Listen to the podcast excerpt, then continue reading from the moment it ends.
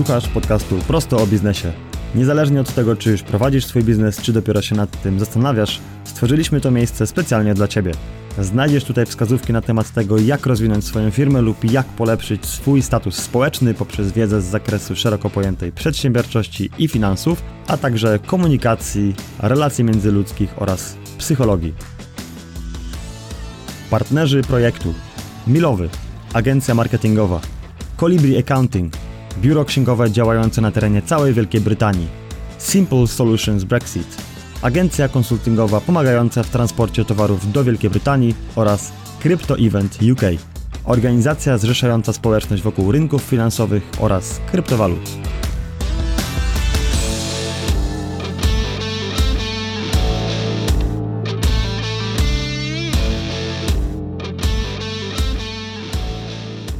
Na świecie żyje 7,7 miliarda ludzi, z czego ponad 56 milionów osób to milionerzy dolarowi, co oznacza, że tylko, a może i aż 0,7% całej populacji planety Ziemia to milionerzy. I teraz uwaga, bo ta informacja może zaskoczyć wszystkie osoby, które żyją w takim jeszcze trochę komunistycznym przeświadczeniu, że pierwszy milion trzeba ukraść, albo że większość bogatych dostała majątek w spadku lub jako gift od e, zarobionego ojca.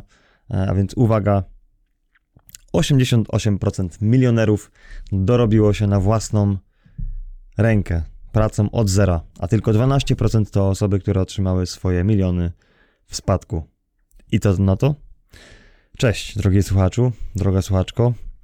Ja się nazywam Marek Kmiotek i w dzisiejszym odcinku nawiążę do tego, o czym wspomniał Arek Bożyca w odcinku poprzednim, w którym odpowiedział na pytanie jednego z naszych słuchaczy. Dziękujemy za to pytanie, a pytanie brzmiało: jak zarobić miliony bez większego wysiłku? Proponuję się cofnąć do odcinka numer dwa, jeśli nie miałeś przyjemności wysłuchać odpowiedzi Arka. Odcinek jest stosunkowo krótki, bo nie trwa nawet 3 minut, e, ale polecam, bo warto dla tych kilku słów. A my przechodzimy do tego odcinka i w tej audycji odpowiem na pytanie, co robić, aby stać się człowiekiem bogatym, e, ale nie tylko na płaszczyźnie finansów, bo moim zdaniem bogactwo to nie góra złota czy walizki dolarów, Osobiście uważam, że prawdziwe bogactwo najpierw zaczyna się w głowie i w sercu. E, bogactwo to moim zdaniem przede wszystkim podążanie odpowiednimi wartościami, które są jak kompas. To również dobry stan zdrowia, świetna kondycja fizyczna, umiejętności dokonywania dobrych wyborów oraz przede wszystkim wartościowe relacje z innymi ludźmi. Poniższe 11 punktów, o których za chwilę wspomnę, zostały wyodrębnione na podstawie moich obserwacji bogatych ludzi, z którymi spędzam czas i których znam osobiście, więc mają one potwierdzenie w rzeczywistości. Bogaci ludzie, których znam, przede wszystkim kochają to, co robią. Oczywiście są pojedyncze rzeczy, których nie lubię robić, więc najczęściej zlecają je tym osobom, które znają się na tym lepiej. Dzięki temu też dbają o swoją efektywność, no i dbają też o skuteczność swoich firm, no bo skoro oni nie lubią czegoś robić i nie potrafią tego robić, to lepiej zlecić komuś. Na przykład, jeżeli właściciel firmy budowlanej nie jest ekspertem od stron internetowych, no to bez sensu, żeby poświęcał teraz miesiąc czasu na uczenie się budowania stron internetowych, zrobienie strony, która niekoniecznie byłaby dobra e, marketingowo, e, wizualnie, no i też później pozycjonowanie tej strony byłoby kiepskie. Lepiej zlecić tą e, zrobienie tej strony osobie, która to umie robić, no i przede wszystkim zrobi to o wiele szybciej, a my zapłacimy tej osobie odpowiednie pieniądze, ale w zamian za to przez ten czas, przez ten miesiąc na przykład możemy zrobić dwa projekty, gdzie zarobimy trzykrotność tej kwoty, więc e, warto zlecać wszystkie rzeczy, których nie lubimy i nie umiemy robić do ekspertów, którzy znają się na tym lepiej. A my przechodzimy do pierwszego punktu, jakim jest jasno sprecyzowany cel. Mm, otóż bogaci ludzie, których znam, mają jasno określony cel, do którego dążą. Oczywiście nie, nie rozmyślają oni e, nad swoim celem godzinami, nie medytują nad nim i nie, nie wpatrują się w niego jak w obrazek. Wręcz przeciwnie, niemal cały czas angażują w realizację zadań e, i pokonują kolejne wyzwania, które napotykają na drodze do swojego celu, dzięki czemu żyją teraźniejszością. Nie skupiają się na przeszłości, bo po prostu nie mają na nią wpływu, e, ani za bardzo nie wybiegają w przyszłość. Wiedzą, że cel to tylko osiągnięcie kolejnego poziomu i za chwilę e, wyznaczają kolejny, bo mają po prostu nawyk sięgania coraz wyżej. Drugi punkt, zarządzanie sobą w czasie, czyli wyznaczanie zadań na kolejny rok, miesiąc, tydzień e, i dzienna lista tasków, czyli zadań.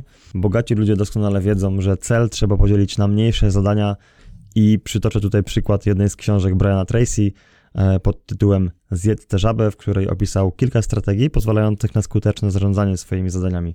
Między innymi strategia pokrojonego w plastry celami, czyli dzielenie dużych celów na małe zadania.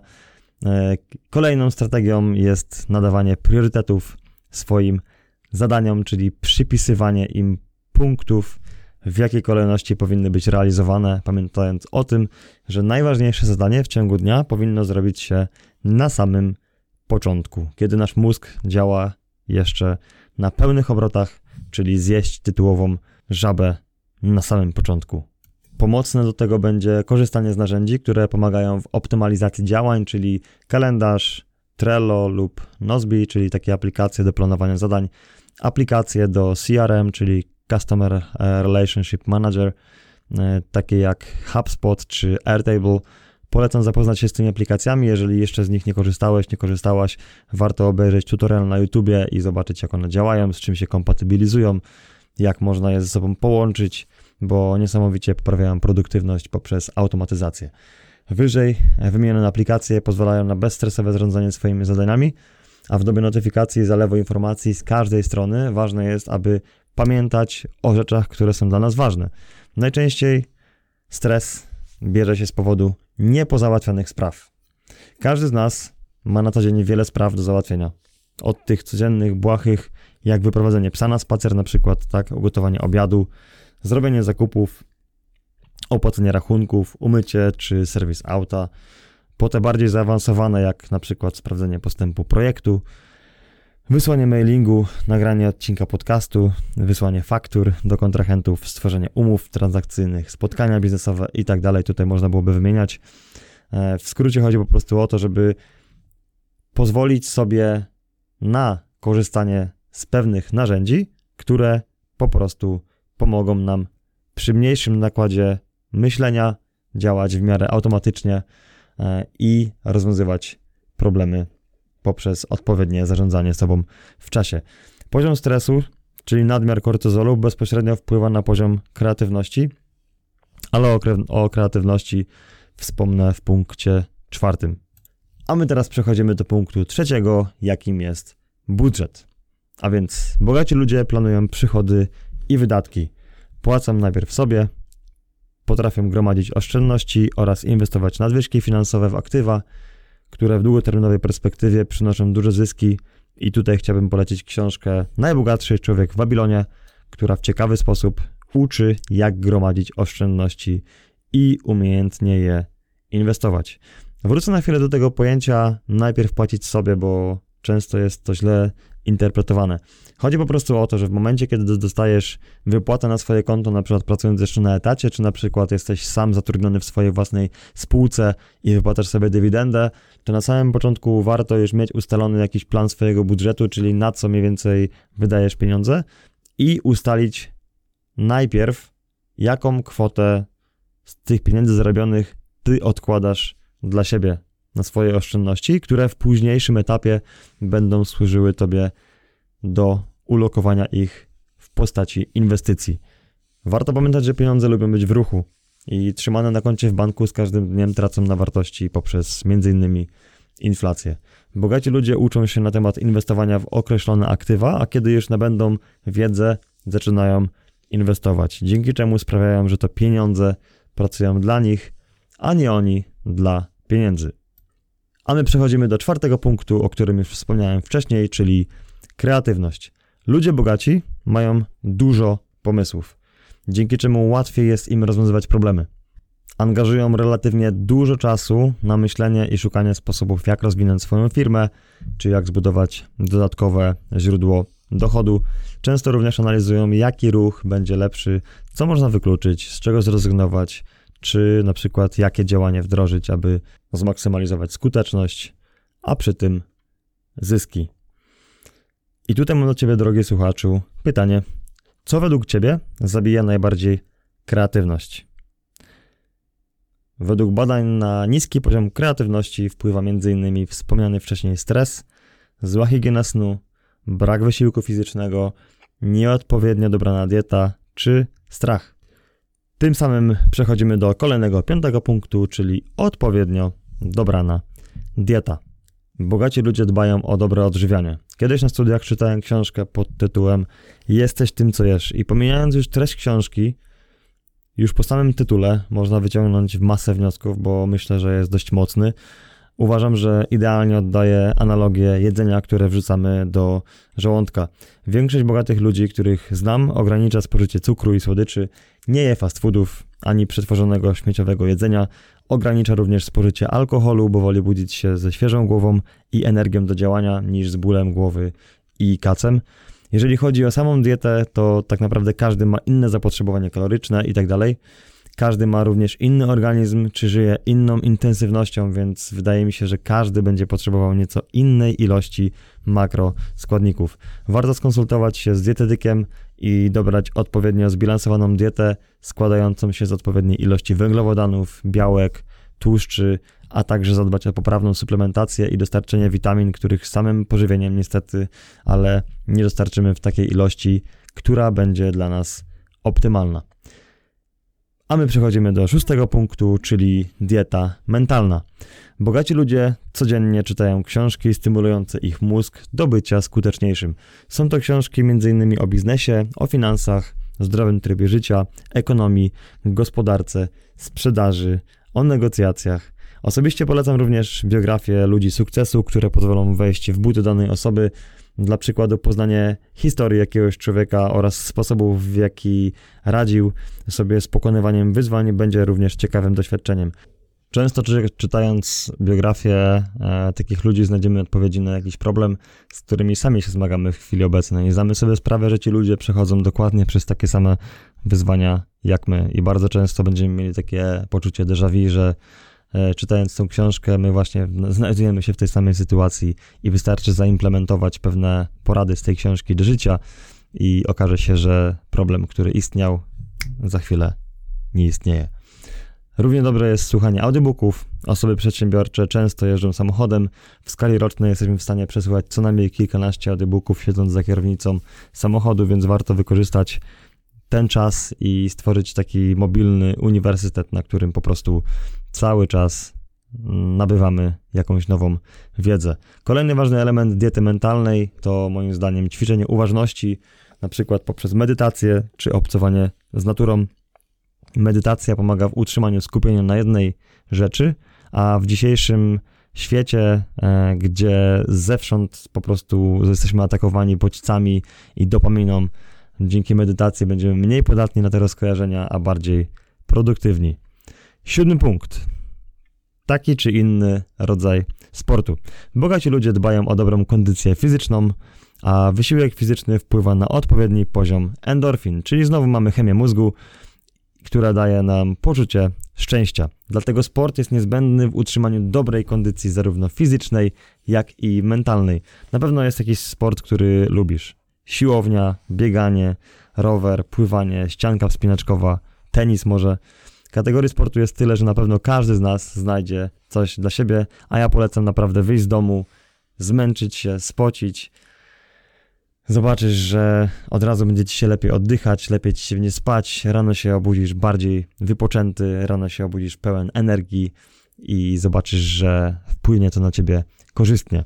Ósmy punkt. Znajomości. Pewnie często, a może nie często, ale pewnie nie raz zdarzyło ci się słyszeć stwierdzenie, że a ten to się dorobił, miał znajomości. I oczywiście to prawda, ale znajomości nie biorą się znikąd. Poznanie i utrzymanie dobrych relacji z innymi ludźmi wymaga pracy nad sobą, bo najpierw sam musisz dawać wartość innym, aby inni chcieli również e, dzielić się wartością z tobą. Stwierdzenie od osób biednych, że ktoś się dorobił, bo miał kontakty czy plecy, jest tylko i wyłącznie wymówką, bo każdy może mieć znajomości, tylko najpierw trzeba chcieć poznać ludzi, którzy są tam, gdzie my chcemy być i trzeba się zaangażować w relacje. Jak budować relacje? I znowu jest masa książek, jedna z tych kultowych, najbardziej znanych, jak zdobyć przyjaciół i zjednać sobie ludzi Dale'a Carnegie'ego, o której bardzo, bardzo dużo ludzi sukcesu mówi I ja też się pod tym podpisuję, bo uważam, że to jest jedna z tych książek, które każdy powinien przeczytać i w szkole, już w szkole, myślę, że w gimnazjum, czy nawet w szkole podstawowej, powinni tą książkę obowiązkowo dawać dzieciom jako lektura szkolna. Warto tutaj dodać również, że pozytywne relacje z innymi ludźmi również wpływają na wysoki poziom oksytocyny, czyli tego hormonu, który jest odpowiedzialny za poczucie wspólnoty, więzi między ludźmi, zaufania i sympatii, więc również czujemy się szczęś szczęśliwsi, kiedy możemy budować wartościowe relacje z innymi ludźmi. Dziewiąty punkt. Umiejętność sprzedaży, czyli umiejętność dobrego zaprezentowania siebie i swojego produktu. Oczywiście bez umiejętności sprzedaży po prostu nie da się zarabiać pieniędzy.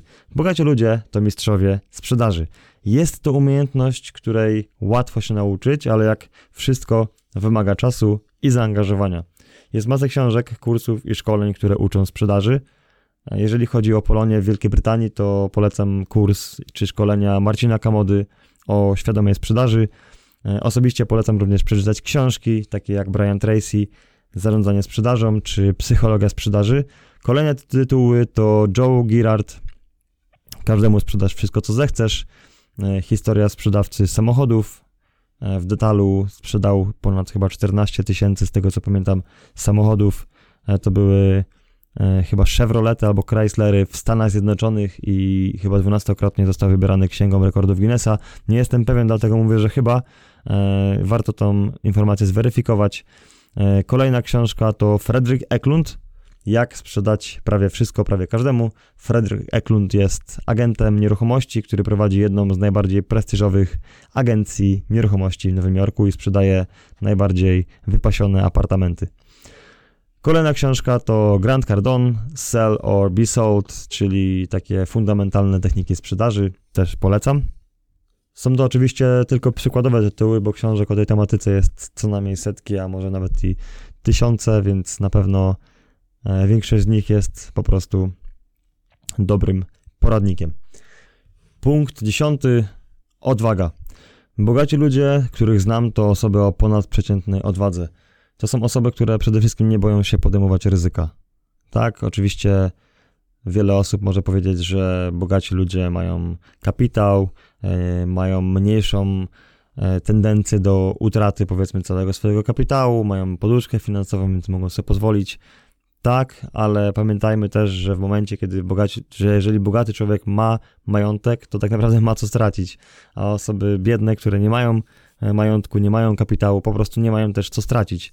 Oczywiście, zanim dokonają ryzykownego wyboru, najpierw przygotowują się poprzez pozyskanie niezbędnej wiedzy i wystarczającej ilości informacji, aby ryzyko zminimalizować, ale kiedy są już w stanie gotowości, po prostu działają. Ja myślę, że warto pokonywać strach, bo oczywiście odwaga to nie jest brak strachu, odwaga to jest pokonywanie strachu i działanie pomimo strachu, więc ja myślę, że warto ten strach pokonywać w różnych aspektach życia.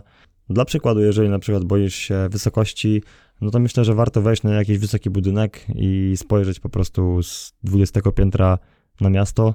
E, później na przykład warto skoczyć na bungee, a potem na przykład ze spadochronem i tak systematycznie zwiększać ten dystans. E, także, żeby być odważnym, to warto tą odwagę testować nie tylko w biznesie, nie tylko w inwestowaniu kapitału, ale również na przykład w podchodzeniu do ludzi, których nie znamy, tak? Jeżeli na przykład jesteśmy na spotkaniu networkingowym i chcemy zbudować relacje z ludźmi, to odważmy się podejść do tych ludzi, odważmy się zapytać, skąd przyjechali, dlaczego tu przyjechali, co robią w życiu. Zainteresujmy zainteresujmy się też trochę nimi, a na pewno zainteresowanie również spotka się z nami, bo moim zdaniem odwaga to podstawa dokonywania dobrych zmian. I nieubłagalnie zmierzamy do ostatniego, jedenastego punktu, który moim zdaniem jest najważniejszy, a więc dyscyplina i dowożenie. Szczególnie samemu sobie. Bogaci ludzie, których znam, są odpowiedzialni przed samym sobą. I jeżeli mówisz, że coś zrobisz, to po prostu to robisz. Nie ma wymówek i usprawiedliwień. Dyscyplina to punkt, z którego powinieneś wyjść, a nie cel sam w sobie.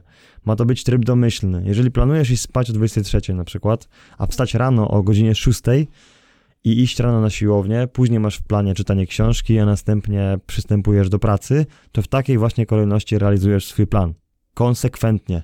Oczywiście może na początku zdarzyć się, że zaśpisz jeden dzień, budzik przestawisz, tak? Nie obudzisz się na czas.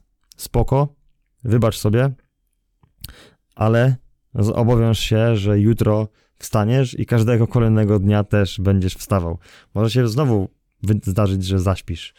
Pamiętaj, żeby po prostu nie podpinać się pod to i, i, i nie załamywać się, że o kurde, nie wstałem, jestem za mało konsekwentny. Znowu, wybacz sobie i następnego dnia znów zobowiąż się, że już tego po raz kolejny nie zrobisz. Kwestię dyscypliny i dowożenia świetnie opisał Rafał Mazur w programie Być i Mieć, do którego zakupu oraz odsłuchania i wdrożenia mocno Ciebie zachęcam. Każdy bogaty człowiek, którego znam, ma w sobie wewnętrzną dyscyplinę. Rutynowo wykonuje czynności od deski do deski, które przybliżają go do celu każdego dnia. Nie potrzebuje dodatkowej motywacji, bo główną motywacją jest dla niego to, że każdy kolejny dzień chce być po prostu lepszy niż dnia poprzedniego. Drogie słuchaczu, podsumowując, pieniądze są zawsze efektem zrealizowanego planu, a żeby skutecznie ten plan zrealizować, potrzebujesz uzbroić się w odpowiednie nawyki i moim zdaniem te 11 punktów, o których dzisiaj usłyszałeś w podcaście, jeżeli wdrożysz nawet jeden, ten ostatni nawyk, czyli dyscyplinę, na pewno będziesz już kilka kroków do przodu. Jeśli masz jakieś nawyki, o których chciałbyś wspomnieć, to zachęcam do udzielenia się na grupie Prosto o Biznesie na Facebooku, gdzie będzie post do tego, Facebook, do tego podcastu lub na przykład w komentarzu pod tym podcastem e, Możesz słuchać nas na YouTubie, na Spotify, więc jeżeli jesteś na, na danej platformie, to po prostu skomentuj, a my się od, do Twojego komentarza odniesiemy. Ja Tobie dziękuję za odsłuchanie podcastu do samego końca, a tymczasem życzę wszystkiego dobrego. Do usłyszenia w kolejnym odcinku. Mówił Marek Kmiotek. Cześć. Słuchałeś podcastu Prosto o biznesie. Zachęcamy do zasubskrybowania kanału, jeśli nie chcesz przegapić nowo pojawiających się odcinków, a także do odwiedzin bloga na stronie www.prostoobiznesie.com, gdzie znajdziesz jeszcze więcej wartościowej treści. Do usłyszenia w następnym odcinku. Cześć.